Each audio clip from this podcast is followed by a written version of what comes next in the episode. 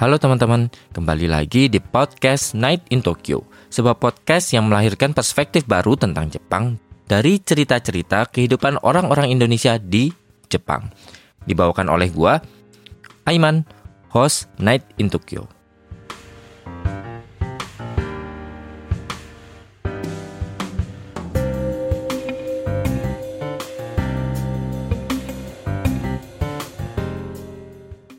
Halo teman-teman, kembali lagi dengan gua Iman di Night in Tokyo. Gimana teman-teman kabarnya semingguan ini? Semoga teman-teman tetap sehat, tetap baik-baik aja, tetap lancar semuanya, kerjaannya, rezekinya juga yang masih study, studinya juga. Untuk episode kali ini teman-teman, uh, gua kedatangan seorang teman yang pernah datang juga, datang ke sini gitu. Dia udah lama banget tinggal di Jepang 13 tahun, bolak-balik Indonesia Jepang. ya, di sini ada Ananta atau Ata Jepang. Halo. Halo, sekali sama deh, Mas Aiman. lama, udah berapa bulan bergabung ya? Iya. Lama tak berjumpa. uh, mungkin kalau teman-teman pengen tahu uh, si Ata ini kayak gimana kehidupannya, dulu itu sempat uh, kecil ke Jepang, terus besar di Jepang, pindah ke Jogja, terus akhirnya balik lagi ke Jepang terus kerja di Jepang dan lain-lain bisa dicari aja di beberapa episode di bawah uh, yang Ananta mungkin hmm. yang penasaran oh Mas Ananta nih atau Mas Ata nih? Yang mana kayak ya, gimana gitu ya? yang mana gitu. Itu scroll lagi soalnya udah banyak bintang tamu juga. Di scroll lagi. Karena cukup seru juga teman-teman. Nah, sebagai orang yang mondar mandir Jepang Indonesia. Nah untuk untuk kesempatan kali ini uh, kita nggak bakal banyak bahas tentang kehidupannya Mas Ata nih, Hmm. karena udah bosan kali ya. Iya udah bosan. bisa didengerin di episode sebelumnya. Uh, kita ini pengen membahas sesuatu yang mungkin dari background pekerjaan Mas Ata sendiri uh, udah cukup nyambung dan topik-topik ini tuh lagi lagi lumayan ya di Indonesia ya diomongin. Bukan di Indonesia aja kali ya, Oh, ya, mungkin, di, dunia. Iya. Hmm. di dunia juga uh, kita ini akan bahas uh, hal yang berhubungan dengan properti. Mantap. properti. Properti. Karena beberapa episode yang lalu itu yang gua ngobrol sama Cindy, Hmm. dia kan melihat sebagai buyer, Hmm. nggak melihat dari orang yang developer Langsung ya. orang yang pelaku uh, pembangun bisnisnya itu. Nah, Hmm. Uh, kenapa Mas Ata diundang ke sini lagi teman-teman? Karena gue pengen tahu nih dari sudut pandang orang yang bekerja di developer sendiri itu. Uh, mungkin lebih tepatnya nanti kita akan ngobrol nih sebenarnya seperti apa sih properti di Jepang Hmm. dan seperti apa kondisi properti di Indonesia. Di negara kita sendiri gitu ya. Oke. Eh, buat eh, apa ya? Buat permulaan bisa cerita sedikit nggak sih udah berapa lama Hmm. bekerja di bidang developer atau properti di Jepang sendiri? Eh saya ini eh halo teman-teman. Eh mungkin pernah ada yang dengar saya ngomong juga di podcast ini. Eh saya Ananta. Eh saat ini saya sudah kurang lebih mau dua tahun ya eh, Hmm. kerja di developer gitu. Sebelumnya saya kurang lebih enam tahun kerja di dunia pertelekomunikasian seperti itu. Nah, tapi eh, kerjaan saya di developer ini bukan cuman sebagai ini ya eh, sisi bisnis side-nya doang gitu, tapi langsung kerjasama dengan eh, salah satu perusahaan di Indonesia gitu. Jadi Hmm. kita udah joint venture juga gitu. Jadi secara eh, bisnis kita partnership juga dengan Indonesia. Jadi saya melihat kedua sisi ya eh, Dari Indonesia, Jepang. dari Indonesia dan Jepang gitu. Jadi itu yang membuat saya mungkin bisa membantu teman-teman buat ke depan ini. Kalau misalnya ada yang mau beli properti eh, untuk eh, pangsa pasar saat ini gimana sih gitu kan? Apakah mau beli rumah landed house satu rumah atau apartemen lebih bagus gitu kan? Iya. Banyak juga hal-hal Hmm. seperti itu gitu. Hmm.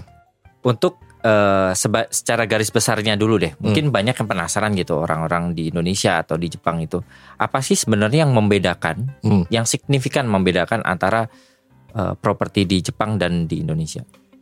Oke, eh, kalau misalnya sebenarnya secara besar eh, nggak terlalu banyak ya eh, perbedaan yang signifikan seperti itu gitu. Tapi eh, kalau misalnya dilihat eh, dari sisi ininya ya eh, desain, sisi eh, misalnya eh, keperluannya seperti apa gitu.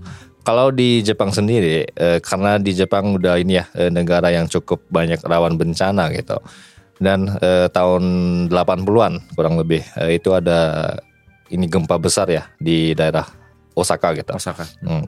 Itu yang membuat eh, orang-orang secara teknis dan juga arsitektur di Jepang harus membangun bangunan yang cukup keras dan anti eh, bencana seperti itu. Jadi makanya eh, rumah-rumah di Jepang itu adalah cukup kuat ya, bisa dibilang kalau misalnya gempa pun tetap di dalam rumah lebih aman. Aman. Seperti itu. Makanya kalau dulu ada drill kalau di Yes. sekolah itu kan kita tadinya mungkin mungkin bingung ya Ah. orang yang pertama kali datang ke Ah. Jepang loh.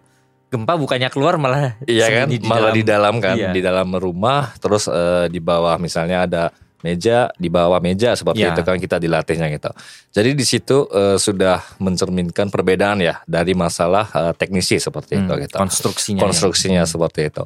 Dan juga eh, di Jepang itu desain-desain rumah kalau Mas Aiman juga ngelihat nggak terlalu banyak yang wow kan sebenarnya. Iya, template malah Template ya. kan. Cenderung karena template ya. eh, misalnya dari Tokyo nih misalnya di Tokyo dan juga Osaka naik Shinkansen misalnya naik kereta cepat ya teman-teman gitu kalau misalnya nge- ngejalan lihat eh, kanan kiri rumahnya gitu-gitu doang kan Iya. nggak ada yang misalnya rumah uh, gede banget misalnya Tiba-tiba kayak istana, gitu. istana gitu nggak ada kan Kayak Pondok Indah gitu nggak ada ya, hampir nggak ada. ya? nggak ada pastinya gitu kan itu yang membuat eh, Jepang itu memperhatikan eh, lebih ke dalam eh, sisi ininya eh, arsitek bukan arsiteknya maksudnya teknisnya gitu seperti Iya. itu gitu dari ketimbang eh, desain dari luar seperti itu gitu Oh, dalamnya. ya. dalamnya gitu lebih ke ini ya struktural gitu kan seperti itu kalau di Indonesia mungkin eh, saya bilangnya di sini mungkin ya eh, mungkin sekarang eh, banyak eh, yang arsitek maupun konstruksi gitu yang eh, yang sudah pelan-pelan memperhatikan eh, sisi permasalahan itu ya misalnya eh, tahan akan bencana seperti itu gitu kan. Eh, tapi mungkin belum se eh, layak di Jepang seperti itu gitu. Makanya eh, mungkin untuk rumah eh, dan customer juga belum pemikirannya seperti itu gitu. Yang penting kita beli rumah dulu gitu. Oh iya iya. Nah, persepsinya orang-orang itu beda gitu. Kalau di Jepang adalah rumah itu udah termasuk, udah harus termasuk dengan keamanan gitu. Di situ jadi kita per- apa berpikir untuk perspektif eh, suatu barang atau misalnya benda itu berbeda di situ. Oh berarti eh, secara nggak langsung karena memang mungkin regulasinya juga lebih eh, apa ya, nah, lebih ketat dan konstruksinya juga harus apa ya dipikirin baik-baik secara nggak langsung orang Jepang Hmm. itu kalau udah beli rumah berarti secara otomatis dia bakal berpikir jauh lebih panjang kan daripada Pasti. orang Indonesia. Pasti karena eh, di Jepang itu rumah bisa dibilang cukup mahal ya gitu ya. Iya iya. iya. dan juga eh, gini ya eh, orang Jepang adalah beli rumah itu adalah bukan mungkin bukan orang Jepang doang gitu Hmm. Eh, orang-orang manusia di dunia itu Iya. belanja paling mahal adalah rumah, Rumah. dong ya kan bukan cincin rum apa ya kan pa- Sanang. papan kan sadang Pangan. pangan papan Papan. Benar jadi eh, orang Jepang udah sangat ini ya eh, beli rumah otomatis Hmm. beli keamanan Oh ya ya Hmm. benar benar benar benar. Kalau misalnya rumah eh, roboh, otomatis yang salah adalah bisa kena developernya gitu. Hmm. Dengan masalah eh, kesalahan pembangunan konstruksi gitu. Itu bisa di eh, ini juga digugat seperti itu gitu. Bisa dituntut gitu. Dituntut gitu. Jadi itu sebagai saya sebagai pelaku developer di Jepang gitu. Sangat detail ya dalam untuk memperhatikan eh, angka-angka misalnya dan juga untuk peraturan-peraturan yang di Jepang memang sangat Hmm, ketat gitu kan yang harus diikuti gitu seperti itu Eh, secara kita melihat secara industrinya deh. Kalau di Jepang itu eh, industri properti atau ya pokoknya eh, bisnis properti di Jepang Hmm. sendiri itu seperti apa sih? kalau misalnya di Jepang sendiri Ya, ini cukup iklimnya. menarik kalau misalnya dilihat properti sebenarnya eh, di Jepang itu sudah ada di titik paling tinggi yang Oh. artinya di mana eh, suatu negara berkembang, eh, suatu negara maju ya misalnya, Hmm. itu ada masa di mana eh, mereka akan naik pelan-pelan gitu. Dan juga nanti bakal ada di titik eh, istilahnya eh, standar seperti itu ya. Nanti bakal ada turun gitu. Mhm. Jepang udah sampai di mentok angka mentok di mana eh, ke depannya itu bakal turun untuk properti dan juga ada alasannya karena kenapa tahu Mas Imam Eh, turun itu karena eh, turun itu maksudnya demandnya pangsa atau pasarnya ya pangsanya? Oh. karena orang-orang Jepang usia produktifnya eh, menurun Oh, iya iya. iya. karena angka kelahirannya semakin sedikit, saat Sedikit. ini Mhm. otomatis eh, penduduknya atau otomatis yang pingin membeli rumah itu adalah bakal Semakin- berkurang seperti Hmm. itu. Beda dengan misalnya India ya, yang sekarang udah misalnya teman-teman tahu juga udah jadi nomor satu ya Hmm. negara dengan kebanyakan penduduk gitu kan, mengalai Cina seperti itu. Oh, hmm. berarti eh, tinggi tingkatan tinggi itu tuh berarti udah mentok dan kemungkinan apakah itu berpengaruh dengan ini juga nggak sih apa harga properti atau apa ya misalkan eh, KPR KPR Hmm, kalau hmm, di hmm, Indonesia hmm. bilang KPR kayak gitu. Kalau misalnya eh, untuk harga itu pasti harga itu bakal mempengaruhi gitu. Cuman kalau secara eh, perekonomian Jepang ya 20 tahun dan 30 tahun lalu misal dibandingkan dengan saat ini harga propertinya adalah kurang lebih sama.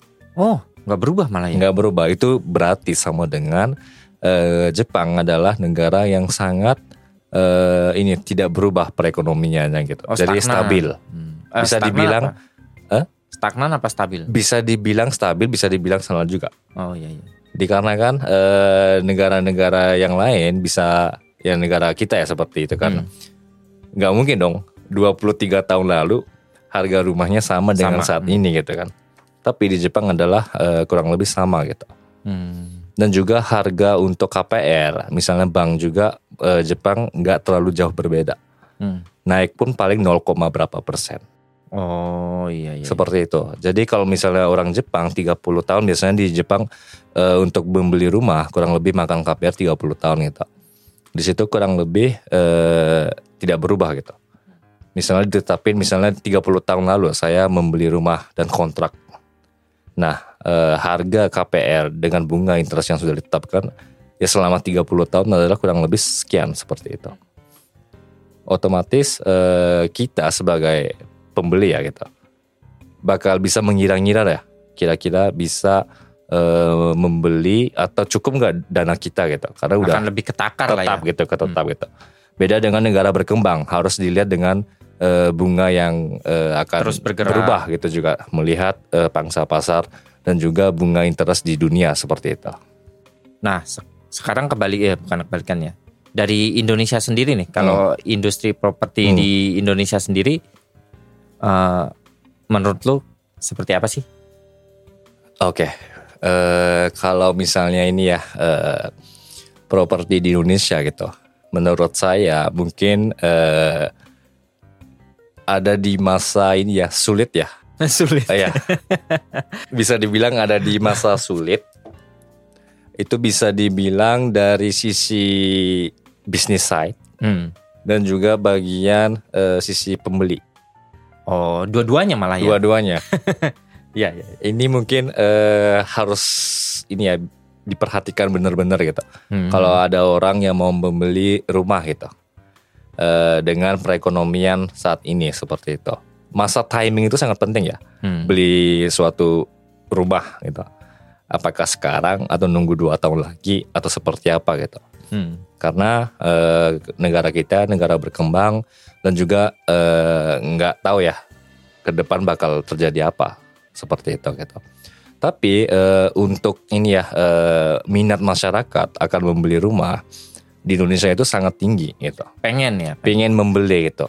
Pingin membeli tapi banyak tapinya di sini ya kan. Banyak tapinya yang membuat eh, mereka ragu gitu untuk Hmm. membeli suatu eh, properti. Seperti Beda itu. dengan Jepang karena udah nggak banyak anak mudanya. Mm. Ya apa ya? Penjualannya juga bukan bukan nggak mampu malah nggak ada yang beli ya. Iya, kalau misalnya di Jepang menurun lah lebih Hmm. eh, ininya. Mungkin kalau misalnya 5-10 tahun ini mungkin dia masih eh, bisa lah eh, dibilang masih ada permintaan juga eh, ini ya dari pangsa pasar seperti itu. Tapi buat misalnya jangka panjang 40 tahun ke depan lagi seperti apa gitu. Itu juga eh, mungkin sangat bakal menurun seperti itu. Kalau uh, kita masuk ke salah satu isu Hmm. yang Apa tuh? yang Takut kayaknya tuh di di Indonesia tuh lagi ngetren gitu loh. Oke. Karena ada salah satu media, bukan salah satu loh ya. Hmm. Rata-rata media eh, menulisnya kayak gitu. Kalau Hmm, hmm. Gen Z, Gen Oke. Z itu berarti generasi di bawah kita ya. Oke, jauh, kita, jauh ya Kita ya. milenial. Aduh. Gen Z Eh. akan kesulitan membeli rumah. Nah, menurut media itu. Nah, Oke. itu tuh apakah seperti itu atau gimana dari kalau dilihat dari sisi eh, lu sendiri yang mengerti dengan industri Hmm, hmm, properti hmm, ini hmm. sendiri? Sebenarnya kalau misalnya eh, generasi Z susah membeli eh, rumah, itu Hmm. kalau menurut saya adalah eh, tidak seperti itu gitu. Oh ya. Hmm. Itu ada beberapa faktor sebenarnya gitu, Hmm. yang mereka tidak bisa membeli rumah atau menginvest suatu Hmm. eh, properti seperti itu. Dari ini ya eh, pandangan saya gitu sebagai pelaku eh, di developer juga gitu adalah mungkin salah satunya adalah gaya hidup Oh, kayak lifestyle hidup. gaya hidup di Ini sini. banyak banyak yang uh, mention juga sih masalah kayak Hmm, hidup hmm. lifestyle. Banyak kafe gitu kan ya. Benar. Jadi eh, anggap aja gini ya, eh, kalau membeli suatu barang itu mereka harus memperlihatkan pendapatan dan juga pengeluarannya dong gitu kan. ya ya. Nah, tapi karena di zaman sekarang eh, tentunya di generasi Z ini mereka banyak banget pilihan gitu. Mhm. Yang di mana misalnya pilihan tempat restoran nongki-nongki yang bagus, ya kan? Ya, Terus ya. eh, mau beli Yang HP, trendy. ya HP, HP yang trendy. baru-baru gitu kan. Eh, motor juga banyak gitu. Di zaman kita belum ada eh, pilihan yang sebanyak itu gitu. Yang membuat mungkin orang-orang yang sudah bekerja itu lebih save money gitu. Make sense sih karena Hmm, beberapa du- dulu ya kalau Hmm. kita zaman zaman kita tarik mas karena ngomongin HP Hmm. kita tarik lagi deh dulu zaman gua masih Hmm. SMA itu kan paling mahal tuh Nokia 6 600 pasti tahu tuh. 660-an gitu ya, Iya. 6, ya 6600 misalnya gitu ya. Oke oke oke. oke. 6600 kan Oke, ada Itu juga tuh Eh.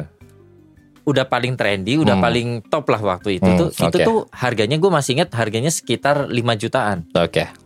dan sekarang itu tuh Hmm. harga iPhone yang paling baru aja nggak harganya nggak double lagi malah quattro ya empat Hmm. kali lipat dari harga eh, apa sih namanya dulu HP dulu ya gitu ya. HP dulu gitu itu sih make Make sense sense kan? ya ya Jadi eh, teman-teman mungkin di generasi Z itu harus misalnya memikirkan lebih jauh ke depan ya untuk misalnya eh, sebenarnya mau membeli sesuatu itu ya it's okay gitu. Itu hak eh, teman-teman juga pendengar juga gitu. Cuman apakah itu perlu di saat ini atau not? Hmm. Nah, eh, kalau misalnya tiba-tiba nih, tiba-tiba eh, dunia ini ada sesuatu bencana gitu, kita harus ada di rumah gitu kan. Misalnya kalau nggak punya rumah, kita mau tinggal di mana gitu kan? Iya iya benar. Iya kan? Otomatis seperti itu gitu. Bukan eh, harus membeli rumah, bukan gitu. Cuman eh, me- me- Prioritas ini ya. prioritas itu adalah harus diutamakan gitu. Apakah mau membeli sesuatu itu benar-benar penting atau enggak gitu. Dan jangan sampai melihat teman-teman sekeliling atau ini pakai ini saya juga harus beli gitu. Jangan seperti itu gitu persepsinya.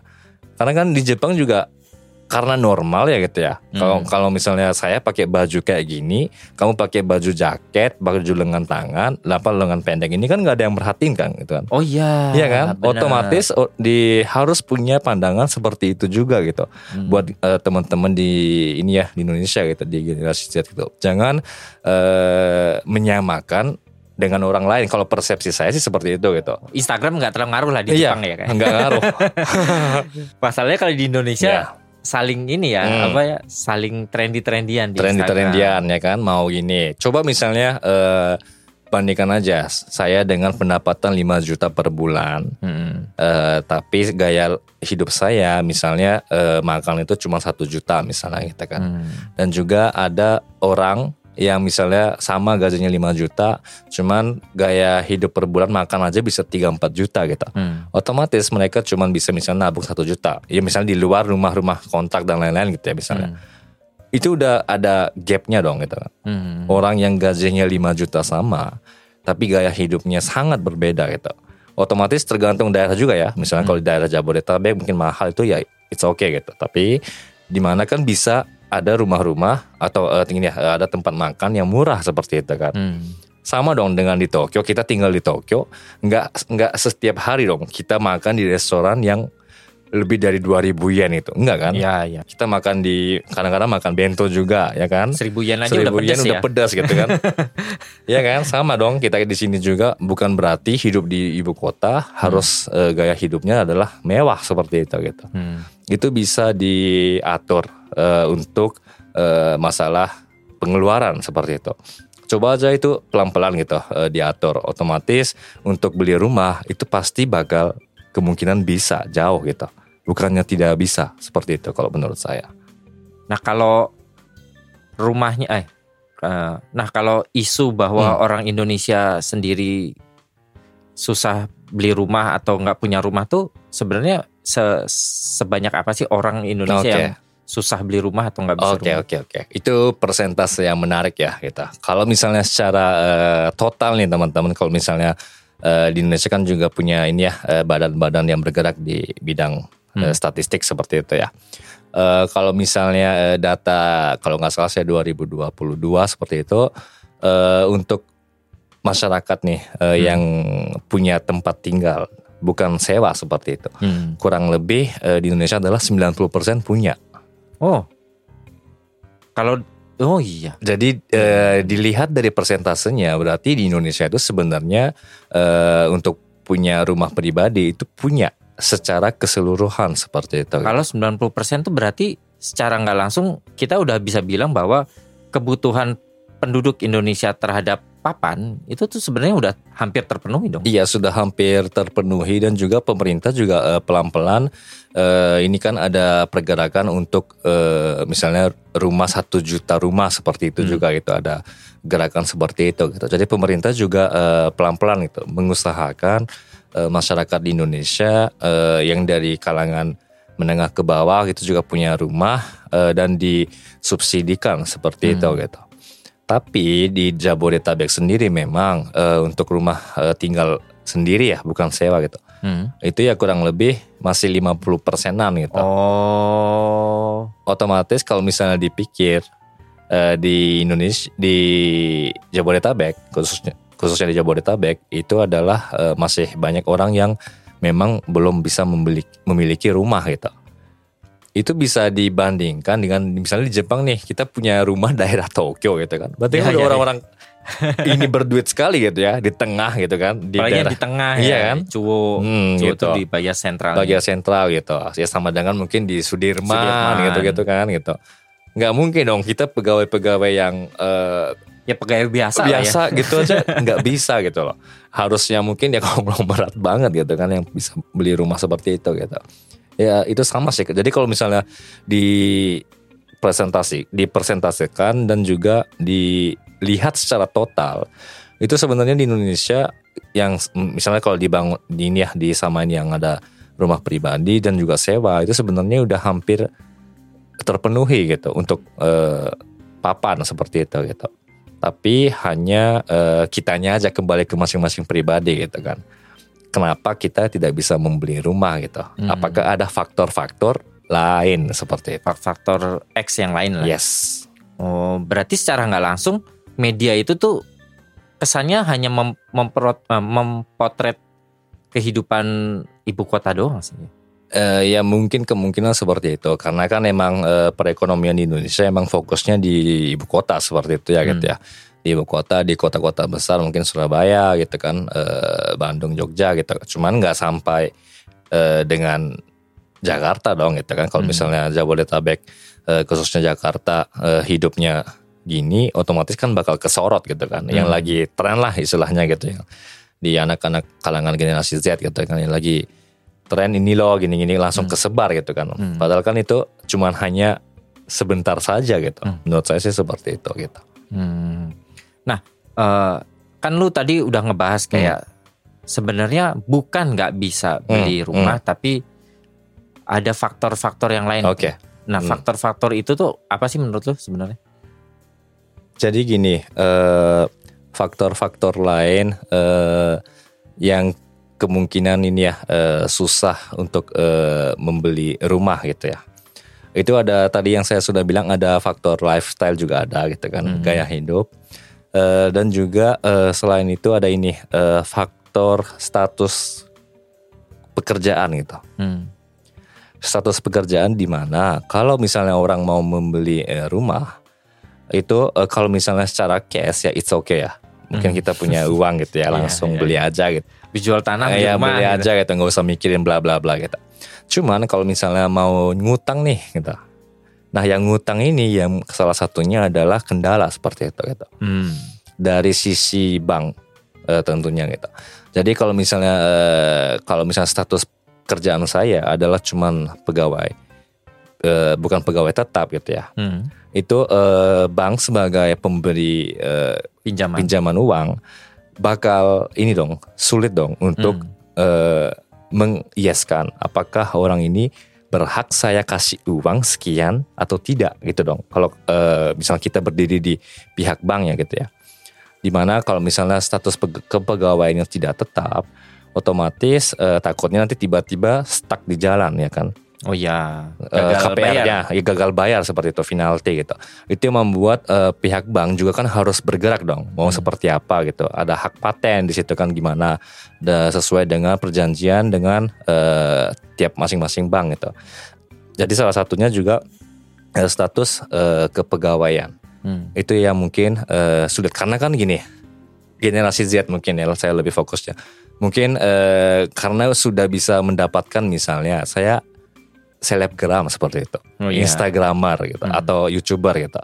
Itu adalah bukan status ya, status sebagai kepegawaian itu. Mungkin Oh. eh, Memang dia mendapat penghasilan. penghasilan, tapi itu adalah penghasilan eh, ini ya eh, saya bilang mungkin eh, penghasilan tambahan ya gitu ya. Mungkin penghasilan Oh, nggak dihitung sebagai hmm, penghasilan ya. penghasilan ini ya sebagai kantor gitu ya. Hmm. Mungkin kecuali dia mungkin ada di eh, suatu kantor atau gimana gitu. Tapi itu kan tergantung masing-masing eh, negara seperti itu. Di Hmm. Jepang juga seperti itu gitu. Kalau buat eh, pegawai konten seperti itu gitu. Walaupun mereka adalah salah satu pekerjaan gitu. Hmm. Bakal sulit gitu untuk eh, nembus membeli ini eh, pinjaman Hmm. seperti itu gitu. Gitu jadi teman-teman mungkin generasi Z juga harus sedikit memperhatikan status eh, kepegawaian gitu. Dan juga kalau misalnya eh, sama dengan kayak misalnya pengacara seperti itu kan karena mereka eh, adalah bukan eh, dibayar gaji ya kan, tapi dibayar ada honorer, ada ini ada undang-undangnya juga gitu. Hmm. Berapa persen seperti itu kan dari tiap eh, mengatasi Kasus. klien kasus seperti itu kan. Jadi mereka adalah bukan istilahnya gaji tapi Hmm. eh, ada upah ataupun yang lainnya Betul. gitu. Atau Seperti bayaran per jamnya gitu. Iya, seperti itu gitu. Oh gitu.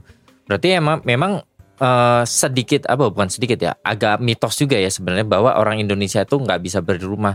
Bukan nggak bisa, itu tuh berarti lebih ke kita mau atau enggak kan berarti. Iya, benar. Dan juga eh, saya tambahkan nih perlu juga. Kalau misalnya eh, masalah tadi eh, lifestyle juga masalah prioritas di sini. Hmm. Jadi prioritas yang paling penting adalah misalnya membeli rumah. Saya punya duit 300 juta misalnya udah punya tabungan. Sebenarnya bisa gitu loh. Beli rumah kalau misalnya prioritasnya adalah hanya membeli rumah saja. Hmm. Tapi eh, di sini ada tapinya karena mereka melihat bukan rumahnya aja, tapi harus lokasinya, Hmm. harus bangunannya seperti ini. Ada embel-embelnya gitu loh. Oh. Ngerti nggak? Keinginan Keinginan yang ego mungkin ya ego sedikit. dari mereka. Ya, Iya. kalau misalnya di situ adalah hanya membeli rumah, eh, mungkin kemungkinan yang ada tabungan nih misalnya saya bilang, misalnya 200 juta, 300 juta. Itu banyak kok sebenarnya. Beli Rumah harusnya ya. banyak sekarang developer developer juga berusaha gitu kan eh, untuk memberikan eh, rumah gitu Hmm. dan pemerintah juga ada rumah-rumah ataupun eh, rusunami ya eh, susun ini ya rumah susun seperti itu eh, untuk meng, ini ya mensubsidikan seperti itu Hmm. tapi kitanya mau atau enggak gitu Hmm. membeli rumah dulu gitu Bu- bukan cuman bukan hanya ini mi- meminta embel-embel tambahan dulu gitu. Hmm. Kalau prioritasnya cuman membeli rumah ya. loh. Kalau kamu misal, Instagram nih. iya ya. loh. Misalnya kalau kamu kalau Mas Aiman sendiri misalnya nih mau beli baju, yang penting baju dong. Bisa Iya. kebeli dong. Nutupin ya. Nutupin. Iya, iya. Iya maksudnya tujuannya itu kan nutupin badan gitu. Misalnya saya mau membeli baju enggak ah, saya mau belinya eh, Chanel Nah, atau membelinya. Bulgari gitu. Baju seperti itu gitu. Itu otomatis kan beda harga, beda level dong gitu. Hmm. Sama dengan rumah seperti itu gitu. Oh iya benar benar benar benar. Ja- Jadi teman-teman bisa dibandingkan cara pemikirannya seperti itu gitu. Tujuan dan prioritasnya adalah apa gitu. Karena mungkin ya eh kebanyakan lihat Instagram gitu Nah. kan, orang-orang pada pamer, Nah, oh kamarnya kayak gini, Hmm. wah tinggal di apartemen yang kayak gini, Hmm. bisa lihat. eh, biasanya kan kalau apartemen yang kacanya hmm, apa sih jendelanya besar tuh, Hmm. wah elit gitu Elit. kan, yang kayak gitu-gitu. Terus dilihat dari eh, jalan akses dan lain-lain. Sebenarnya memang hal-hal itu ya sebenarnya yang eh, kita nggak bisa bilang orang Indonesia sih lebih tepatnya. Ya. Kalau eh, apa faktor-faktor kayak gitu tuh Hmm. kebanyakan emang dilema anak-anak yang memang tinggal di ibu kota. ibu kota sih, benar cuman eh, tapi itu juga mungkin eh, pengaruh pergaulan sekali ya gitu ya. pengaruh pergaulan juga gitu.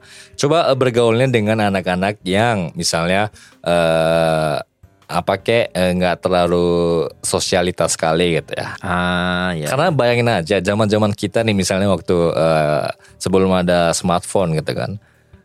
Kita kan nggak nggak tahu tempat-tempat yang hits banget kan. Paling deket-deket sekolah ya nggak sih? Oh. Tempat les seperti itu ya kan. visual style Visual rumah. stylenya nggak eh, Ya. ya kan. Rumah juga misalnya tempat nongkrong. Kita nggak tahu kan kafe-kafe yang bagus itu di yang mana penting gitu. beli ya kebeli gitu. Iya. Mau beli mie ayam, yang penting mie ayam aja, yang penting agak murah dikit gitu kan. Hmm. Nggak mie ayam Nggak yang yang- misalnya ada di hotel mana gitu kan. Atau enggak yang lagi ngetren di mana gitu. Iya. Kita nggak bakal bakal cari sampai segitu gitu kan. Hmm. Sekarang emang banyak pilihan. Maka tadi saya bilang eh, yang eh, yang tidak bisa membuat membeli rumah itu adalah faktor-faktor eh, X seperti itu gitu. Hmm. Itu yang membuat orang-orang saat ini lebih sulit untuk membeli rumah. Hmm. Itu aja sih sebenarnya daripada orang-orang yang dahulu misalnya seperti itu Hmm. gitu. Nah, walaupun misalnya gaji eh, sedikit seperti itu misalnya sedikit itu kan ada batasannya gitu. Hmm. Kalau misalnya saya sedikitnya 3 juta, ada yang di bawah saya juga satu juta. Hmm. Itu lebih sedikit bisa juga dibilang seperti itu gitu. Hmm. Jadi eh, cara pandangnya aja sih sebenarnya gitu. Nah kalau eh, sekarang juga lagi apa ya namanya? eh bukan ngetren sih, lagi menjadi bahasan. Hmm. gue juga pernah dengar kayak eh, si Panji di podcastnya bilang bahwa Indonesia tuh salahnya karena rumah itu sebagai investasi gitu Hmm. kan. Eh, jadi orang mengejar beli rumah itu bukan buat tempat tinggal tapi buat diinvestasikan. Jadi Hmm. kayak kadang-kadang dari sisi developernya sendiri juga eh, gua nggak tahu sih Hmm. apa eh, kayak di yang apa namanya apartemen-apartemen yang mandek-mandek Hmm, kayak hmm, gitu hmm, tuh hmm, hmm. apakah karena itu juga? Eh, sebenarnya gini, eh, kalau eh, investasi ngomongin investasi itu adalah eh, misalnya saya investasi sesuatu pun Hmm. itu adalah harus pakai uang dingin, Hmm. ya kan? Otomatis eh, kalau bisa dibilang di situ adalah eh, ya, properti adalah untuk investasi, itu adalah kalau dibilang persenannya paling orang-orang tertentu aja gitu. Oh, Harus dilihat eh, secara pay ya gitu, harus dilihat secara persentase gitu. Berapa persen sih sebenarnya orang yang eh, bilang atau berkata seperti itu gitu untuk investasi gitu. Itu adalah eh, menurut saya sih adalah cuman gaya bahasa saja gitu. hmm. Sebenarnya kalau misalnya untuk investasi eh, itu adalah mungkin kalau saya bisa ini ya kira-kira mungkin dari 10 orang yang eh, investasi seperti itu mungkin hanya satu dua doang. Hmm. Misalnya bayangin aja temannya Mas Aiman eh, ada 10 orang gitu, kira-kira lah yang sudah membeli rumah satu misalnya. Hmm. Ada nggak mau yang membeli rumah dua lagi untuk investasi gitu? Paling sedikit Hmm. karena eh, mereka udah membeli rumah dan ya mungkin satu aja udah setengah satu mati aja ya. udah setengah mati dan juga mungkin eh, ada yang belum juga gitu di Hmm. antara 10 orang itu. Jadi eh, coba untuk membelokkan pikirannya ke sana gitu. Hmm. Jadi orang-orang seperti itu adalah mungkin menurut saya sih hanya sebatas aja gitu investasi dan juga eh, gini untuk rumah karena eh, apartemen seperti itu juga banyak kok apartemen-apartemen yang sudah dibangun tapi kosong nggak ada pelanggan Hmm. itu banyak sekali di Jakarta gitu. Oh, yang apa kan di Indonesia paling marak kan biasanya ya Hmm, kalau hmm. hari Minggu gitu Hmm. kan eh, beli sekarang besok Hmm, harga naik hmm, itu tuh hmm. kesannya tuh kayak eh, memang eh, apa ya pasar di Indonesia itu buat properti itu di drive buat mereka orang-orang beli buat investasi gitu. Hmm. Gua nggak tahu ya kalau di Jepang apakah ada juga iklan-iklannya kayak gitu. Hmm. Tapi setahu gua eh, yang gua lihat di selama tinggal di Jepang nggak ada apa ya namanya iklan yang mendrive kita itu buat beli properti sebagai investasi gitu. Oke, karena eh, untuk seperti iklan seperti itu, eh, itu adalah ada undang-undangnya. Di Oh. Jepang eh, ada undang-undang yang mengatur eh, tidak boleh seperti itu gitu. Oh, nggak boleh di Iya, Jepang. jadi bukan cuman di properti aja ya. Kalau misalnya eh, akan diskon 0% mulai ini ini ini itu. Saya di dulu kerja di perusahaan telekomunikasi, khususnya saya ada di bagian PR dan marketing juga gitu. Hmm. Itu ada peraturan eh, dari negara dan juga peraturan pemerintah gitu. Eh, tidak boleh kan eh, mengada-ngadakan seperti itu. Istilah kotornya ya, mengada-ngadakan Hari ini nol, besok naik. ban gitu. bakal naik atau misalnya eh, murah 0% aja tapi ada titik kecil banget misalnya seperti itu gitu kan Oh, iya. hal-hal seperti itu yang eh, dilihat dengan first impression itu mem- membuat salah si- tangkap. ya salah tangkap itu yang nggak boleh kalau Nggak di boleh. Jepang oh, untuk di PR Jepang nggak boleh. Eh, hal-hal seperti itu yang nggak boleh gitu yang paling ketat makanya mungkin eh misalnya kalau misalnya lihat HP gini-gini hanya 10 juta yen misalnya eh 10 juta gitu-gitu. Ichimang. Dulu mungkin ada waktu itu. Tapi untuk saat-saat ini nggak boleh. Itu eh, seolah-olah eh, itu ada salah persepsi seperti itu. Untuk eh, customer. Nanti bisa jadi claimer.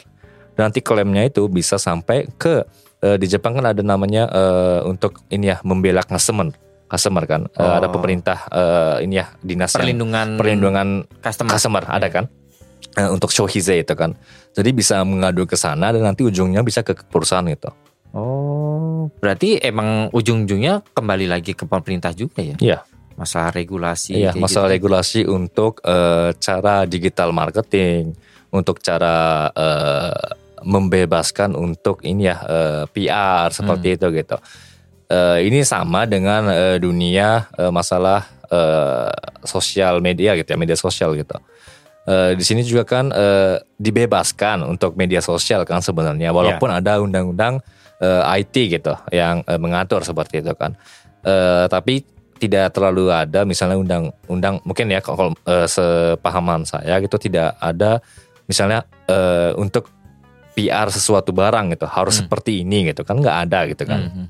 Mungkin eh, hal-hal yang itu juga harus mungkin diperhatikan gitu kan makanya di Jepang kan nggak terlalu banyak eh, ada berita-berita atau PR seperti itu juga Hmm. dan orang Jepang emang beli rumah adalah untuk tempat tinggal gitu Oh. emang jarang gitu buat investasi emang ada cuman itu adalah yang misalnya orang-orang yang punya Airbnb menyewakan rumah gitu atau ya enggak punya satu gedung gitu. Iya. Oyasangnya, Oh, Oyasang iya. tuh yang pemiliknya, di Pemiliknya. salah satu satu lantai doang kayak gitu. ya itu eh, emang ada cuman nggak secara keseluruhan kan paling dikit doang gitu Hmm. orang-orang yang sudah eh, ahli di, di bidang eh, hal-hal seperti itu gitu.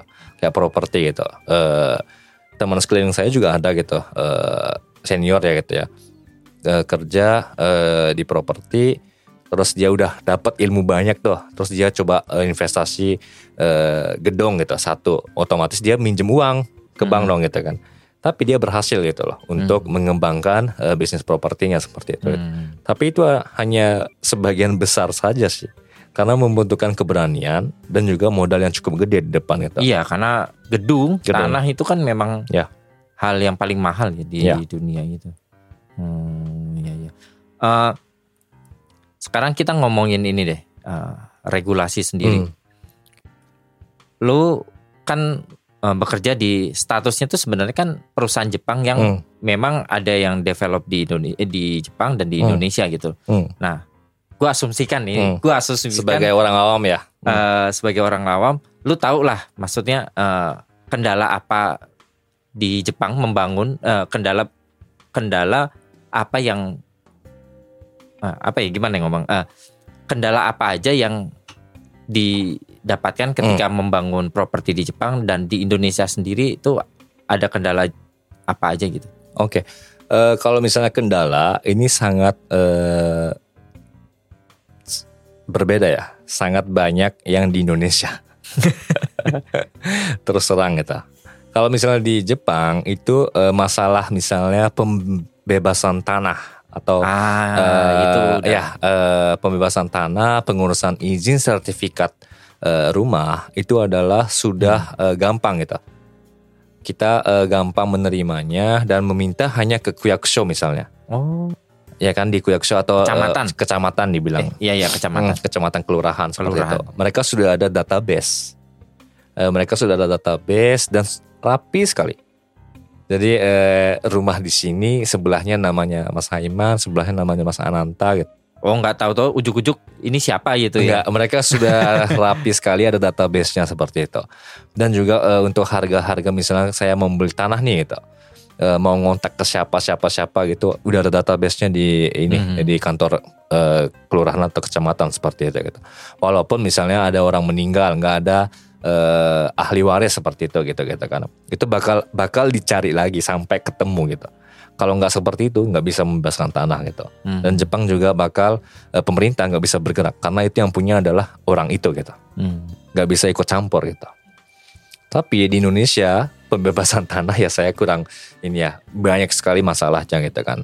Entah eh, pembebasan masalah perizinan dan juga eh, misalnya lahan itu adalah mungkin dulu sempat sengketa ataupun eh, sempat masalah gitu kan itu misalnya pihak ketiga membeli seperti itu. Ternyata ujung-ujungnya eh, ada double sertifikat. Ah, itu Nah, tuh sering banget tuh Indonesia ada tuh. juga jadi eh, ini ya masalah database sih database dan juga eh, hak kepemilikannya. Karena eh, waktu perang gitu kan dulu belum terlalu kita punya rapi gitu kan. Masih ada yang namanya sertifikat biasanya SHM gitu. Eh, surat hak milik ya seperti itu ya Hmm. untuk tanah gini-gini. Nah, tapi eh, kita dulu masih ada banyak sertifikat seperti girik letter C namanya gitu. Itu sertifikat-sertifikat yang harus eh, diurus kepengurusannya gitu. Karena itu hanya eh, gambaran sementara aja gitu. Jadi bukan eh, secara hukum eh, itu kuat atau enggaknya bisa ini bisa berubah-berubah gitu. Bisa saya bilang mungkin eh, kurang kuat lah di Hmm.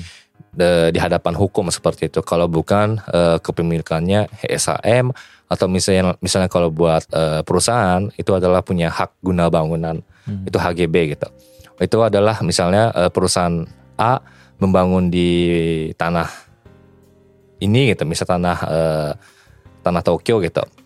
Nah di sana terbitlah HGB seperti itu kan Hmm. gitu. HGB misalnya ada waktu misalnya di sini eh, masanya 30 tahun seperti itu gitu kan.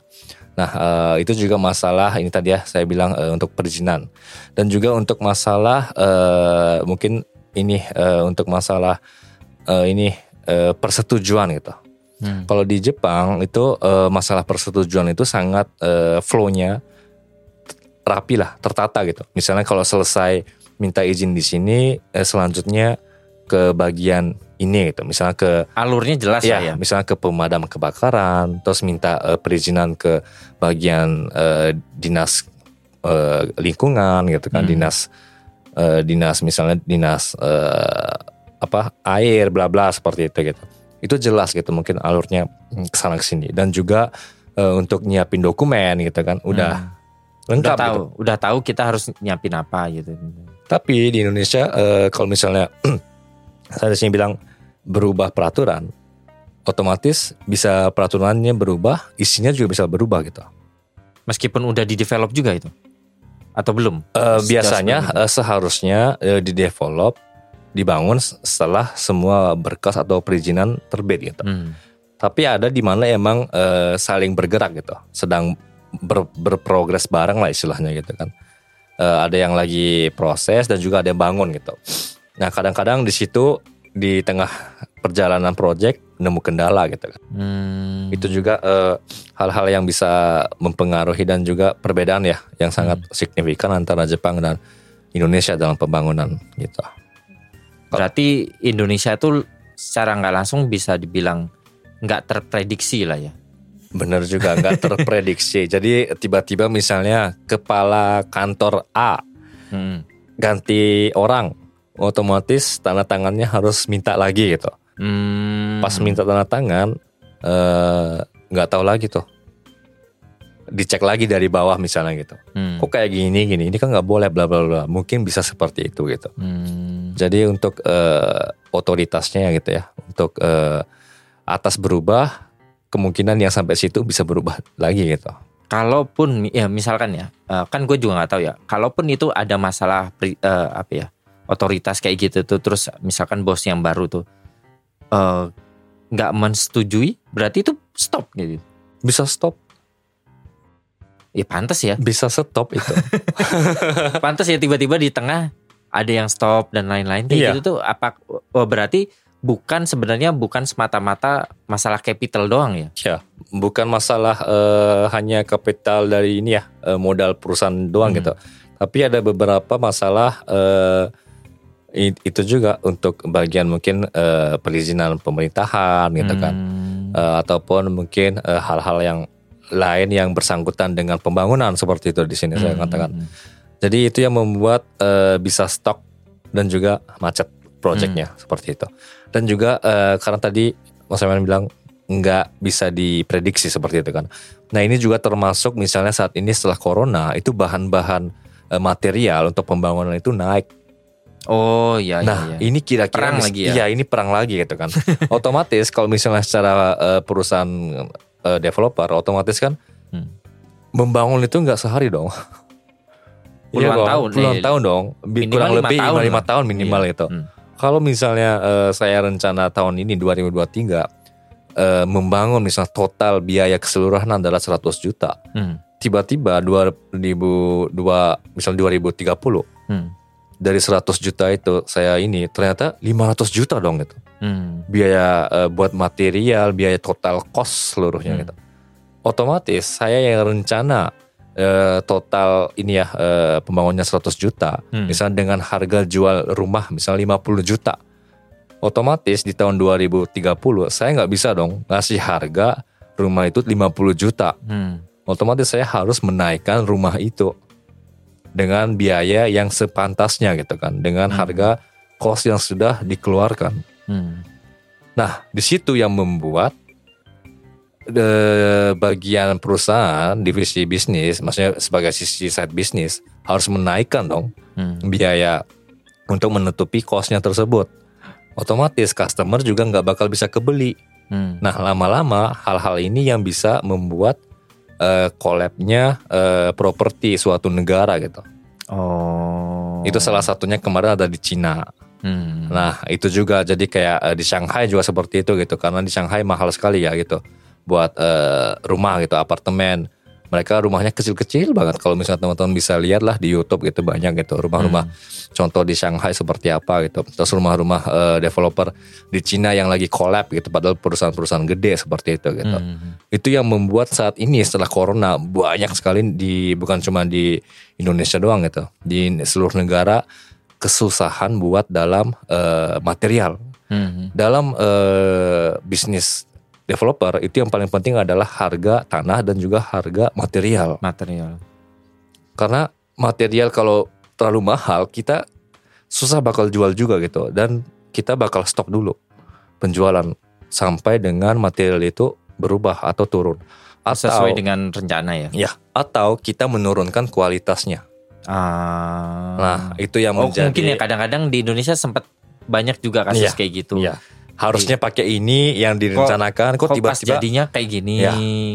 ya itu mau nggak mau tapi itu kalau misalnya hal menurunkan seperti itu harus ada persetujuan ya gitu kan Hmm. antara eh, calon pembeli harusnya seperti itu nggak nggak boleh eh, se- satu pihak sebenarnya untuk eh, seperti itu gitu kecuali ada dijelaskan di dalam perjanjian seperti itu gitu Nah, kalau di Indonesia kan banyak yang kayak eh unit belum jadi atau gedung bahkan baru baru apa ya namanya baru buka tanah buka lahan doang tapi barang udah dijual. Kan banyak banget tuh. Hmm.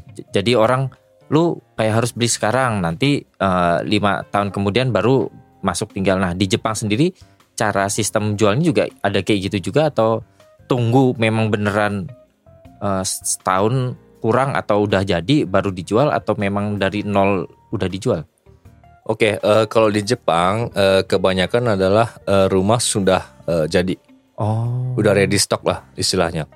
udah udah- dipastikan ya Hmm, ada wujudnya. iya iya Jadi eh, ready stock dan eh, ini eh, bisa jual gitu. Walaupun ada eh, rumah yang ini mau sedang dibangun seperti itu gitu. hmm. Tapi kita bisa memesan aja gitu. Hmm. Belum sampai eh, proses eh, jual beli Bayar. gitu. oh belum oh belum ada DP dan lain-lain ya Iya, eh, ya, ya seperti itu. Jadi eh eh, booking doang ya berarti booking doang gitu. Hmm. Ya booking doang. Di Indonesia juga ada sih booking eh, fee seperti itu ya, eh, DP di awal gitu gitu gitu. Eh, dan juga ada yang harusnya sih emang ini ada booking fee, terus eh, ada DP awal itu tergantung perjanjian dengan perusahaan Hmm. gitu. Itu eh, kalau misalnya ini bi- bisa kembali sebenarnya kayak misalnya eh, booking fee gitu kan untuk satu juta satu setengah juta itu bisa kembali seperti itu gitu. DP juga eh, tergantung perjanjian bisa kembali seperti itu.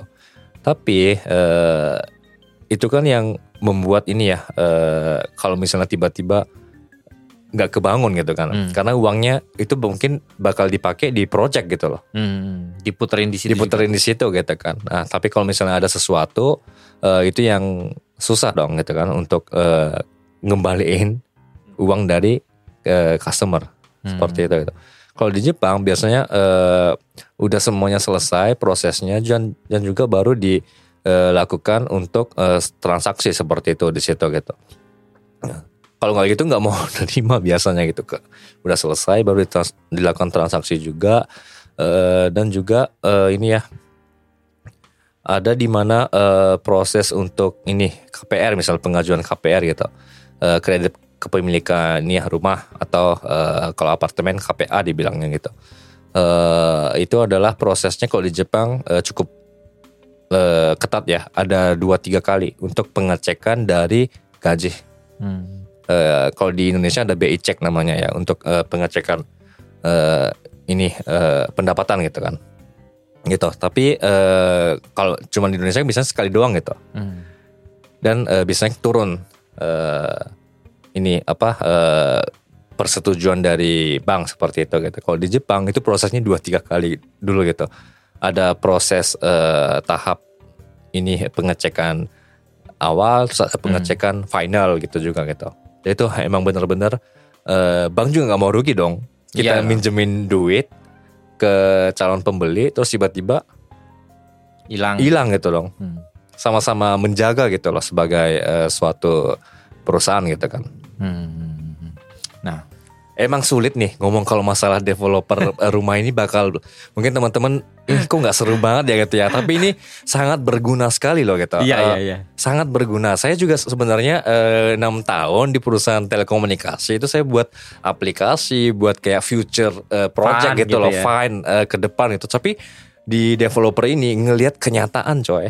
Jadi oh ternyata dunia itu bisa berubah perekonominya kalau misalnya suatu rumah ataupun misalnya properti itu bakal eh seperti ini gitu. Hmm, karena saling berkait juga ya Iya. karena eh mungkin kenapa kredit eh, rate-nya di Jepang itu rendah karena ya sebenarnya gue juga baru ngeh gitu kalau kalau eh, apa ya namanya bunga deposito Hmm. di Indonesia tuh tinggi kenapa Itu cukup tinggi. karena ya kredit kayak loannya juga tinggi kan. Nah yes. di Jepang sendiri ya memang loan apa ya loan itu kayak kayak apa ya Pinjaman ya pinjaman ya Hmm. pinjaman itu kan rate-nya kan rendah rendah. ya sa- di ya secara nggak langsung bukan secara nggak langsung ya kenapa itu rendah karena ya deposito pun Hmm. nggak nyampe gak nyampe 2 persen. Iya nggak nyampe. Jadi kalau misalnya eh, Indonesia kan 4 persen lebih kan. Nah, nggak salah. tadi eh, dikatain ini ya masalah deposit itu juga kalau misalnya kita pinjam uang ke bank gitu, kita eh, bunganya untuk bayar ke bank itu emang kalau di Jepang dikit gitu. Hmm. Itu maksimal misalnya eh, dengan eh, misal peminjaman 30 tahun itu paling minimal itu 1, ya 3 persen sampai maksimal itu 5 persenan gitu. Kalau di Indonesia eh, itu minimal kurang lebih bisa 4-5 persen minimalnya Iya iya iya. itu minimal ya. Jadi teman-teman juga harus hati-hati kalau misalnya pas eh, eh, peminjaman gitu. Jadi tiga tahun di awal itu misalnya tiga persen doang gitu. Hmm. Tapi setelah tiga tahun ke atas itu bisa dibilang ada eh, bunga eh, Bergerak. bergerak gitu. Yang membuat bunga bergerak itu adalah bisa melihat dari eh, sisi ini ya eh, pangsa gro- global Hmm. dan juga dunia ini eh, ya secara global ya, seperti itu gitu. Kalau misalnya tiba-tiba harganya 12% gitu, otomatis bisa naik juga dong 12%, 12% gitu kan. Itu kan eh, harus diperhatikan seperti itu. Kalau di Jepang biasanya ada eh, istilah tetap. Di Indonesia juga ada tetap tadi gitu. Tapi di Jepang misalnya kalau tetap Lebih ya tetap- stabil ya. stabil itu. Bakal eh 30 tahun ya maksimal pun 5% seperti itu. Dan juga kalau masalah eh, uang tadi deposit, kita mau punya uang 1M nabung di perusahaan Jepang, satu tahun pun nggak bakal naiknya banyak banget. Tadi saya salah yang ngomongnya se- 1M mungkin bisa banyak. Misalnya satu 10 juta 10 lah. ribu ya 10 ribu yen aja gitu. Paling 0,001 yen doang ya kan kembali kan gitu kan tiap tahun gitu. Kalau di Indonesia mungkin eh, ya 100 juta nabung aja udah bisa kalau nggak salah sih depositnya bisa 7 sampai 12 12 persen kalau Hmm. yang saya ini ya tahu ya mungkin akhir-akhir ini seperti itu. 100 juta nabung satu tahun bisa dapat 7 jutaan loh. bisa bayar rumah kita di Jepang mungkin satu bulanan ya. Iya iya. ya ya itu. Ya, itu. Memang kan eh, karena itu berhubungan ya jadinya pinjaman di Indonesia pun pasti ya tinggi juga. Iya. Jadi teman-teman harus ini ya dilihat juga jangan eh, harus cermat lah, harus sedikit tahu lah ilmu gitu eh, dalam membeli rumah gitu kan. Apakah eh, DP-nya itu adalah DP eh mas- maksud saya di sini eh, bunga tersebut adalah bunga tetap atau bunga bergerak ataupun misalnya bunga tetapnya eh, ada batasnya atau enggak gitu. Hmm. Harus diperhatikan buat di situ gitu. Nanti takutnya tiba-tiba eh, seperti ini itu beda dengan penjelasan ya kan Eh, yang menjelaskan eh, salesnya tidak ada seperti itu kan itu kan nggak bisa ini dong nggak bisa eh, klaim juga gitu kan Hmm. walaupun nanti ada tanda tangan gini-gini eh, tapi kan di situ kan mungkin udah tertulis gitu jadi Iya. kalau misalnya Udah nggak bisa diapa-apain. Ya, kalau misalnya hal-hal seperti itu untuk perjanjian juga harus sebagai customer yang baik gitu. Walaupun misalnya percaya dengan eh, si penjual gitu kan, si sales bla bla gini, eh, kita sebagai eh, customer juga harus cermat dalam membeli eh, barang gitu ya. Apa pun itu, entah eh, apa ya yang masalah kecil gitu. Ah, oke deh. Eh, ini dari tadi kita ngomongin regulasi Hmm. ini ini itu kayaknya Pusingnya berat banget ya. Pusing- pusing banget ya. Eh, mungkin kita eh, ke akan membahas eh, kita bahas yang lebih menarik lah. Eh, lu sendiri beker- bekerja di perusahaan developer Jepang yang sekarang udah joint venture dengan perusahaan Indonesia Hmm. dan mendevelop eh, apa ya? Eh, kemu- Cluster ya. kemungkinan besar klaster eh, banyakkan klaster apa gedung apartemen? Eh, kita lagi rencana udah ada beberapa secara grup sudah membangun klaster gitu Hmm. dan juga masih ada tetap eh, akan membangun seperti itu gitu. Untuk eh, apartemen sendiri kita lagi on progress juga Hmm. gitu.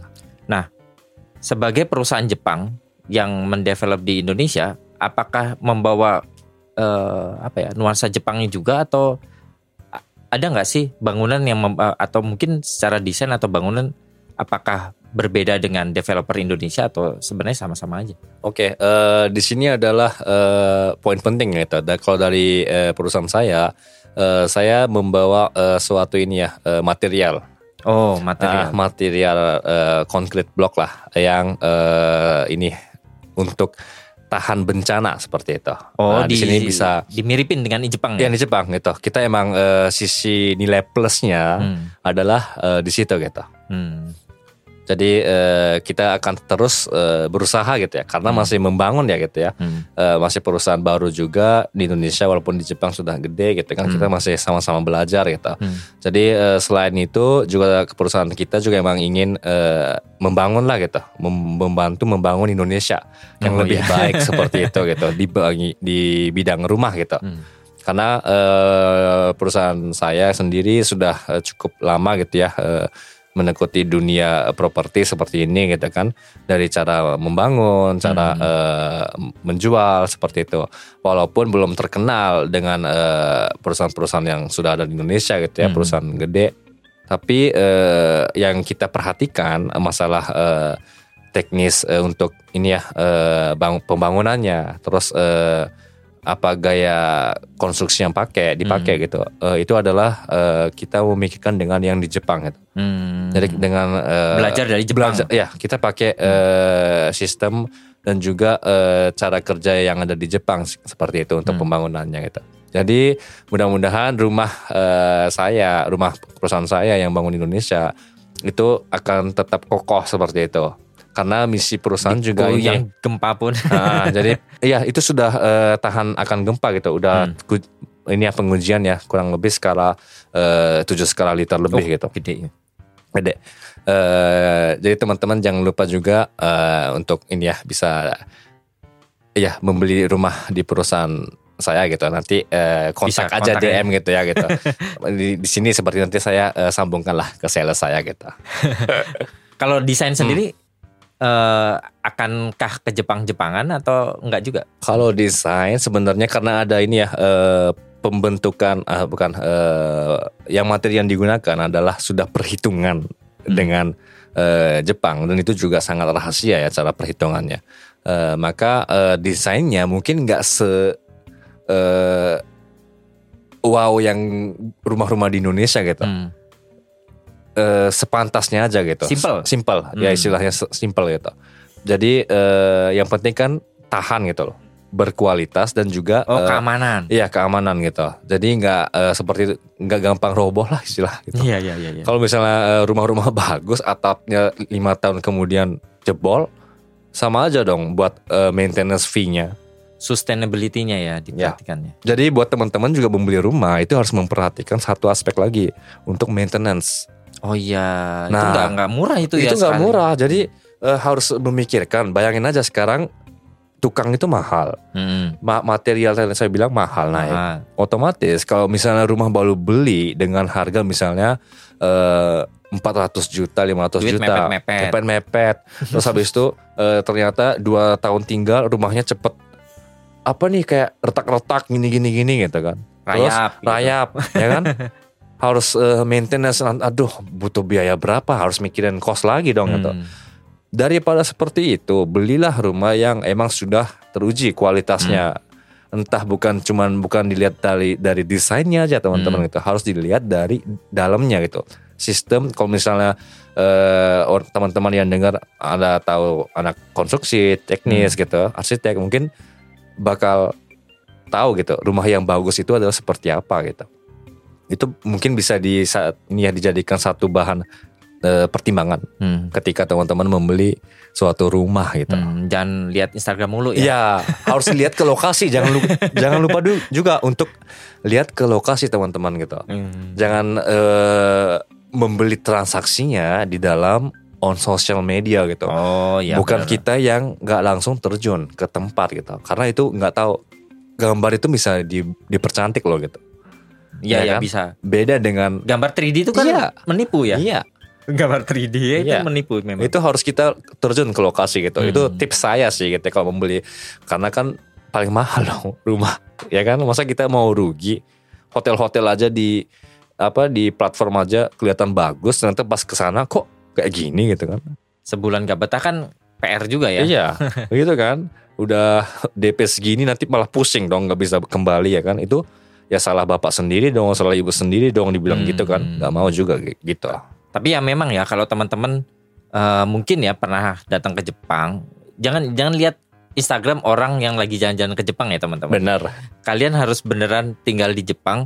Kalau kalian tinggal di Jepang, rumah atau apartemen di Jepang itu tuh semuanya template. Benar. Semuanya template, kamar mandi template, bahkan eh apa namanya tuh? Bagian luarnya tuh Hmm, eh, plat luar hmm. outdoornya itu pun outdoor, eh, itu ya, template. eksteriornya ya. Eh, terus kitchen setnya template. Ya. Semuanya tuh template teman-teman. Mungkin memang karena udah negara maju, udah punya sistem, jadi ya untuk mengurangi cost Hmm. membangun properti di Jepang sih mungkin ya karena udah template semuanya tinggal pasang kan memang Benar. di Jepang.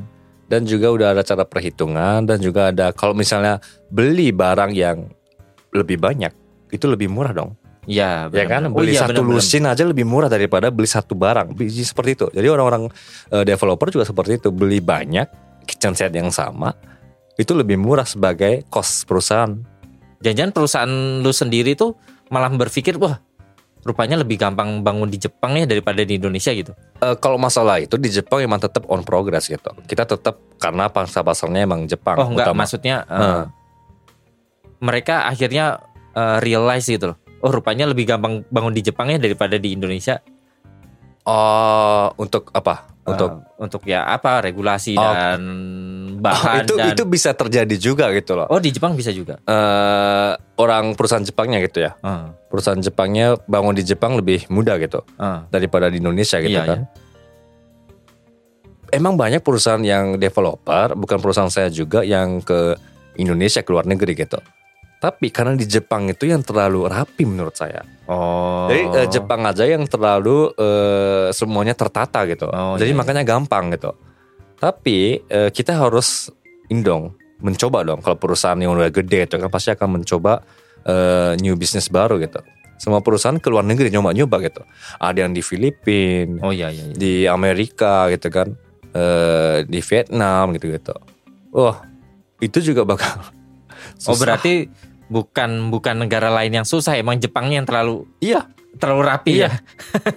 iya itu benar. Jadi Jepang yang sudah terlalu rapi, tertata, semuanya walaupun ribet, tapi ya misalnya Ketahuan lah jalannya, Iya, jalannya. ketahuan. pasti ada gitu ya. Misalnya kita pindahan aja ribet kan mau harus ke sana sini ini, tapi asal prosedurnya benar Stepnya selesai. jelas, stepnya Iya, jelas iya memang. kan? Jepang, Selesai jadi Jepang tuh Jepang terprediksi. tuh bisa terprediksi kira-kira selesai berkasnya dua minggu lagi keluar apa enggak gitu kan? Memang kalau di Indonesia ngurus-ngurus kayak gitu kan deg-degan ya. Iya.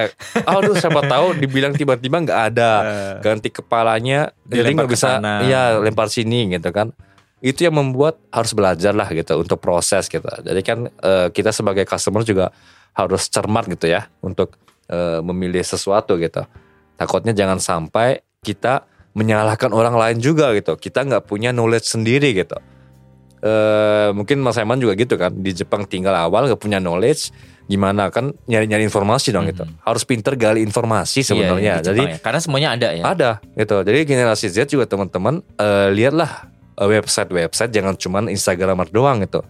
Pemerintah juga menyediakan eh, platform banyak gitu untuk Hmm. informasi yang resmi gitu. Jangan cuman hanya lewat sosial media, TikTok. web apa WhatsApp, TikTok gitu-gitu kan. Ya biar ini ya berpesan lah gitu kan buat Hmm. eh, generasi Z calon ini apa Calon pemimpin pembeli rumah. pemimpin Calon ya kan pembeli penerus rumah. juga pembeli rumah gitu kan untuk di Indonesia gitu kan Eh, masa untuk keluarganya enggak gitu kan masa nanti teman-teman dua tiga puluh tahun masih numpang sih sama orang tua gitu kan ya kan Iya, iya. nggak malu gitu kan Ya, ya, ya itulah intinya lah teman-teman memang kalau teman-teman lihat misalkan di Instagram gitu, wah di Jepang interiornya bagus dan segala macam. Sebenarnya enggak juga, karena yang pintar itu bukan yang bikin rumah. Ya, yang bikin rumah pintar, tapi yang pintar itu yang ngedekor sebenarnya di Jepang. Karena rumah apartemen di Jepang tuh kalau kosong, ya semuanya sama gitu. Hmm.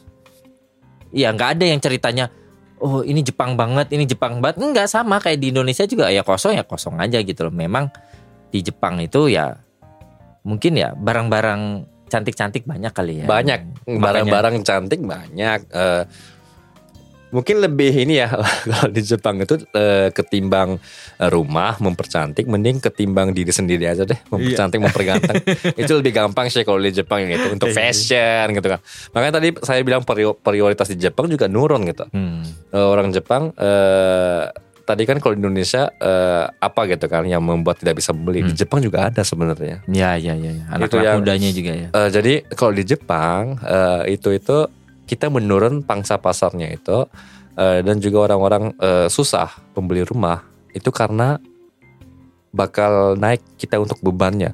Beban apa di sini? Beban pajak. Oh, karena ya penduduk Jadi penduduknya semakin eh, kecil, menurun, orang produktifnya eh, kurang, otomatis bebannya makin banyak. beban pajak yang kita bayarin nih coy yang kita sama-sama pekerja korporat di luar negeri gini eh, beban itu kan buat infrastruktur Hmm. dan juga untuk uang pensiun pensiun. semakin orang Jepang semakin banyak yang Pensiun. tua Terus nggak ada, nggak ada yang bayar pensiun. yang ada bayar pensiun kita yang ditarik orang-orang produktif ini gitu itu yang membuat orang-orang Jepang berpikir lagi apakah mau membeli rumah atau enggak saat ini gitu Hmm, oh be sebenarnya eh, dilema itu tuh nggak cuma Indonesia ya. Iya. Cuma beda ini aja ya. beda Beda permasalahan. iya, permasalahan gitu makanya ta- tadi orang-orang Jepang susah membeli rumah juga itu karena nanti biayanya eh, untuk ini nggak cukup mahal juga Eh, mending saya nggak beli rumah mending saya nggak nikah gitu nyatanya Padahal ya ke sana sebenarnya bu- Tuh. bukan padahal ya. Yang sebenarnya orang Jepang tuh mungkin karena terlalu preventif ya, terlalu ini orang Jepang tuh tabungannya banyak loh teman-teman. banyak lebih banyak, Banyak. jauh Jadi dia berpikir memang untuk ke, ke keamanan be- bertahun-tahun nambungnya. Jadi nggak ya nggak tahu ya mungkin atau gua doang ya.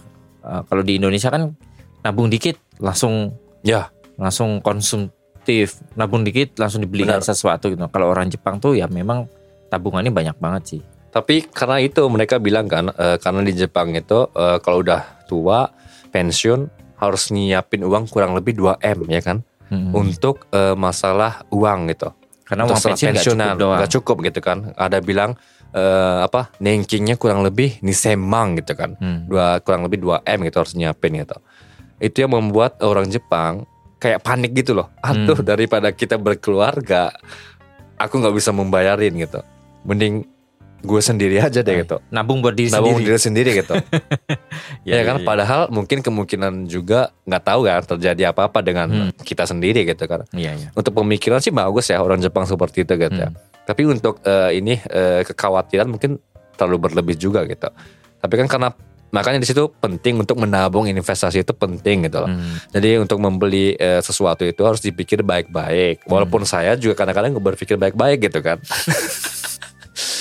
Tapi karena saya udah kerja di bagian kayak Udah gini, tahu seluk beluknya. iya, jadi Malah udah- makin ini ya. Iya, jadi semakin eh, setelah after ini umur di atas 25 gitu, semakin eh, bisa memanage gitu Hmm. untuk membeli memanfaatkan duit yang sebaiknya gitu. Hmm. Mau beli apa gitu. Makan kalau buat makan ya oke lah gitu. Saya seneng gitu buat tapi kalau misalnya beli baju gini-gini saya udah akhir-akhir ini udah kayak no gitu. Hmm, barang-barang branded. Barang-barang branded no, saya nggak punya barang-barang branded. Paling punyanya cuman eh ini apa eh, dompet Prada gitu-gitu doang gitu. Hmm. Udah nggak ada yang lebih mewah dari itu gitu, nggak ada gitu. Oh iya iya iya ya memang kadang-kadang itu ya kan eh, mungkin yang susah dari culture eh, generasi seterusnya itu kan karena Instagram itu ber apa ya namanya memegang peran penting gitu loh. Hmm. Kita nggak tahu ya maksudnya orang punya satu brand tas satu brand gitu di post di Instagram eh, udah dicap udah menaikkan status dia menjadi orang kaya gitu. Loh. Padahal mungkin itu satu-satunya barang yang dia punya gitu Iya, ya. Mungkin benar. karena di post kayak nah kayak gitu-gitu yang Benar. akhirnya membuat orang itu eh, prioritasnya tuh kacau juga Iya, ya nggak sih? benar. Jadi eh, yang penting gini, eh, jangan terpengaruh kanan kiri deh. Iya nggak sih? Kita Iya, iya, hidup betul. di luar negeri gini, karena orang Jepang nggak nggak pe- peduli kan, cuek kan. Orang Jepang tuh ya teman-teman ya. Kalaupun dia kaya, Hmm. it- dia semakin simple, semakin apa ya? Nggak terlihat ya dia tiba-tiba Semakin oh, oh semakin dia nggak kaya terlihat. banget ternyata gitu kan. Tapi kalau dia ditelanjangi baj- ba- bajunya bermerek. Heeh. Bedanya ya memang bedanya ya orang Jep orang Jepang yang kaya di Jepang itu dia ba- beli barang bermerek tapi dengan em, dengan milih model yang simple. Ya ya ya ya. Iya nggak Iya, sih? Emang. Eh, kalau Iya. kalau di Indonesia kan masih ada kecenderungan Masa ya, beli pernik-perniknya masa masa beli barang mewah misalkan Oh. eh, barang mewah tapi kok desainnya gini doang. Hmm, hmm, hmm. nggak ada nggak nggak berpikir berpikir eh, nggak kayak orang Jepang jadi kalau barang mewah ya nggak usah. tampilannya tampilannya yang modelnya tuh yang harus mewah juga gitu. Padahal sebenarnya barang mewah kayak barang-barang branded tuh banyak yang simple. Banyak banyak. Jadi kayak misalnya eh, ya misalnya t-shirt aja gitu. Kan t-shirt misalnya ada yang t-shirt yang saya nggak usah nyebutin ada mereknya yang sejuta Iya gitu. kan? Eh, ternyata lihat aduh kok mereknya ini ya? gitu kan. Padahal putihnya sama gitu kan. Hmm. ya bisa dilihat dari situ gitu kan. Semakin simple semakin gini otomatis mereka semakin ya tahu lah gitu bahwa dari muka juga mungkin terlihat Iya, ya ya, gitu ya. kelihatan ya, orang cara-cara Jepang. ya orang-orang kan tahu lah Iya, ya iya, sedikit iya, yang iya, agak. iya. ya cowok-cowok yang berduit dengan cewek-cewek yang berduit juga ada muka-muka seperti itu gitu dan kan. kadang-kadang ada juga di kayak di kereta gitu. Gue juga pernah lihat kayak ada satu cewek gitu kan. Dari atas sampai bawah tuh hitam. Eh, hitam gitu. Terus gue liatin kayaknya ada yang ada yang aneh gitu loh. Maksud maksud gue tuh eh kayak kayak bukan orang biasa deh Oke. gua. dari terus lihat. Orang biasa oke. Eh, ya aksesoris sedikit. Tapi baju emang bajunya hitam tapi Hmm. bentuknya aneh. Oh ini berarti desainer ini. Oke. pasti nggak mungkin nggak mungkin murah Oke. gitu. terus lihat tasnya. Tasnya nggak nggak tasnya juga simpel juga hitam juga gitu. Tapi nggak nggak nggak yang ada motif-motif apa-apa apa terus waktu di waktu kegeser dikit cek oh itu Louis. Ah ini mahal juga. Oke. Oke, turun oke. ke bawah turun ke bawah. Hmm oke. Alexander. Alexander oke. Nggak kelihatan Iya. tapi itu eh, orang nggak kaya perlente ya maksudnya Iya, ya. Oh iya, orang Jepang kaya bilang tuh nggak nggak nggak perlente Iya, bener. Eh, nggak terlalu banyak perhiasan paling cuman eh, perhiasannya satu, ya kan necklace gitu kan Eh, kalau nggak cincin kalau nggak jam ternyata jamnya waduh Waduh. Rolex gitu kan Rolex yang berapa gitu kan yang 500 juta gitu kan misalnya itu itu karena di Jepang ya sama ya gitu. Kita jalan ya jalan juga. Mereka mungkin eh, punya mobil apa mobil Nggak mewah nggak dipakai. Paling cuman buat eh, weekend jalan-jalan jauh gitu doang kan. Kita makanya sama. Makanya kalau di ditotalin untuk eh, untuk hidup lah sekalian gitu mungkin Jepang kalau saya pribadi ya saya lebih nyaman. Soalnya kalau misalnya dari walaupun saya bayar pajaknya mahal gitu kan. Lifestyle-nya lifestyle-nya style di mahal tapi ada eh, wujudnya gitu ada wujudnya. Dan juga kita sebagai foreigner kerja di eh, Jepang kan walaupun eh, nanti misalnya balik ke Indonesia bakal Hmm. kita bisa nagih gitu. Oh ya kan? iya iya iya. Eh, pajak yang kita sudah bayar Hmm. gitu. Walaupun nanti eh, dipotong. Mm-mm. beberapa tuh pasti ada potongan gitu. Ya tapi ya ya sudahlah gitu. Kalau misalnya emang nggak kuat banget sampai kerja 60 tahun di sini gitu kan kan nggak tahu juga ya kan ke Iya, depan nggak mau seperti apa gitu Oke lah. Ah, ya mungkin itu aja teman-teman. Oh, udah panjang juga kita ngobrolnya. Cukup panjang ya? Panjang juga ya udah hampir mungkin teman-teman. sejam lebih ini. Ya nggak apa-apa lah. Eh, ilmu juga Ya, buat kalian ini mungkin. ilmu banget. Hmm, yang sekiranya ke depannya mau apa ya mempertimbangkan buat beli rumah atau Hmm. enggak bisa hubungin Mas Ata Ata, Kata Jepang, Jepang ini ya. Eh, kalau mau penasaran atau mau punya rumah yang safety-nya kayak di Jepang Hmm. bisa DM aja. Mungkin eh, seperti yang dia bilang mungkin bakal di langsung disambungkan ke salesnya ya. Iya bisa juga. Dan juga ini nanti saya kan ini lagi sedang buat konten nih. Oh Ya ya, kan, sedikit benar-benar. promosi juga gitu ya. Eh, lagi ini mau lagi pelan-pelan nih teman-teman buat konten. Eh, ini kehidupan daily life lah gitu di Jepang Maksudnya- salaryman ya Ya salaryman yang sebenarnya loh gitu teman-teman. Ya kan teman-teman bintang tahun di sini mungkin udah Bukan. banyak gitu kan. bukan yang mewah-mewah Bukan di, yang mewah. mewah- mewah-mewah di Jepang jalan-jalan di Jepang gitu ya Bukan. Jadi ya liatin Sepolos aja. mungkin lah ya. Sepolos saya gitu. Nyuci ya nggak masak gitu gitu Iya, kan. Buang sampah gitu kan. Kalian nggak tahu kan kayak gitu gimana buang sampah ya kan. Yang yang ya kehidupan yang di Jepang itu kita juga ya hidup biasa gitu loh di Hmm. Jepang ya kan bukan nggak nggak cuman wow doang mungkin beda negara doang gitu karena Iya. emang lebih tertata aja sih sebenarnya kan pindah kehidupan aja ya Iya benar. Untuk kesehariannya sama. Saya makan telur juga makan gitu kan. makan tidur tidur juga Tidur sama gitu. ya eh, bisa di follow ke mana tadi Ke Ata underscore Jepang ya. ya itu bisa di follow ke Ata underscore Jepang mungkin yang teman-teman penasaran kehidupan seperti apa sih di Jepang kalau orang biasa salaryman salaryman itu apa ya kerja kantoran ya? Ya pekerja kantoran Pekerja kita. kantoran di Jepang. Oke. Eh, dan jangan lupa juga buat teman-teman follow juga Instagram Night in Tokyo di night.in.tokyo karena di sana gua bakal eh, berbagi hal-hal yang berkaitan tentang Jepang dan hal-hal yang berkaitan tentang podcast ini teman-teman. Dan jangan lupa juga kunjungi di website www.nightintokyo.com. Di sana ada blog yang gue tulis, ada foto jalan-jalan juga dan tentunya teman-teman bisa dengerin seluruh podcast mulai yang dari awal sampai yang episode paling baru sekarang semuanya ada di www.nightintokyo.com. Oke, sekian dulu buat episode kali ini teman-teman. Terima kasih Mas Oke, Ata. terima kasih banyak. Buat, uh, Senang udah datang. ya bisa dua kali datang ke sini. Iya, gitu. udah datang dua kali di sini dan berbagi banyak informasi. Eh, ya jarang-jarang loh orang Indonesia berbagi informasi tentang properti Properti ya.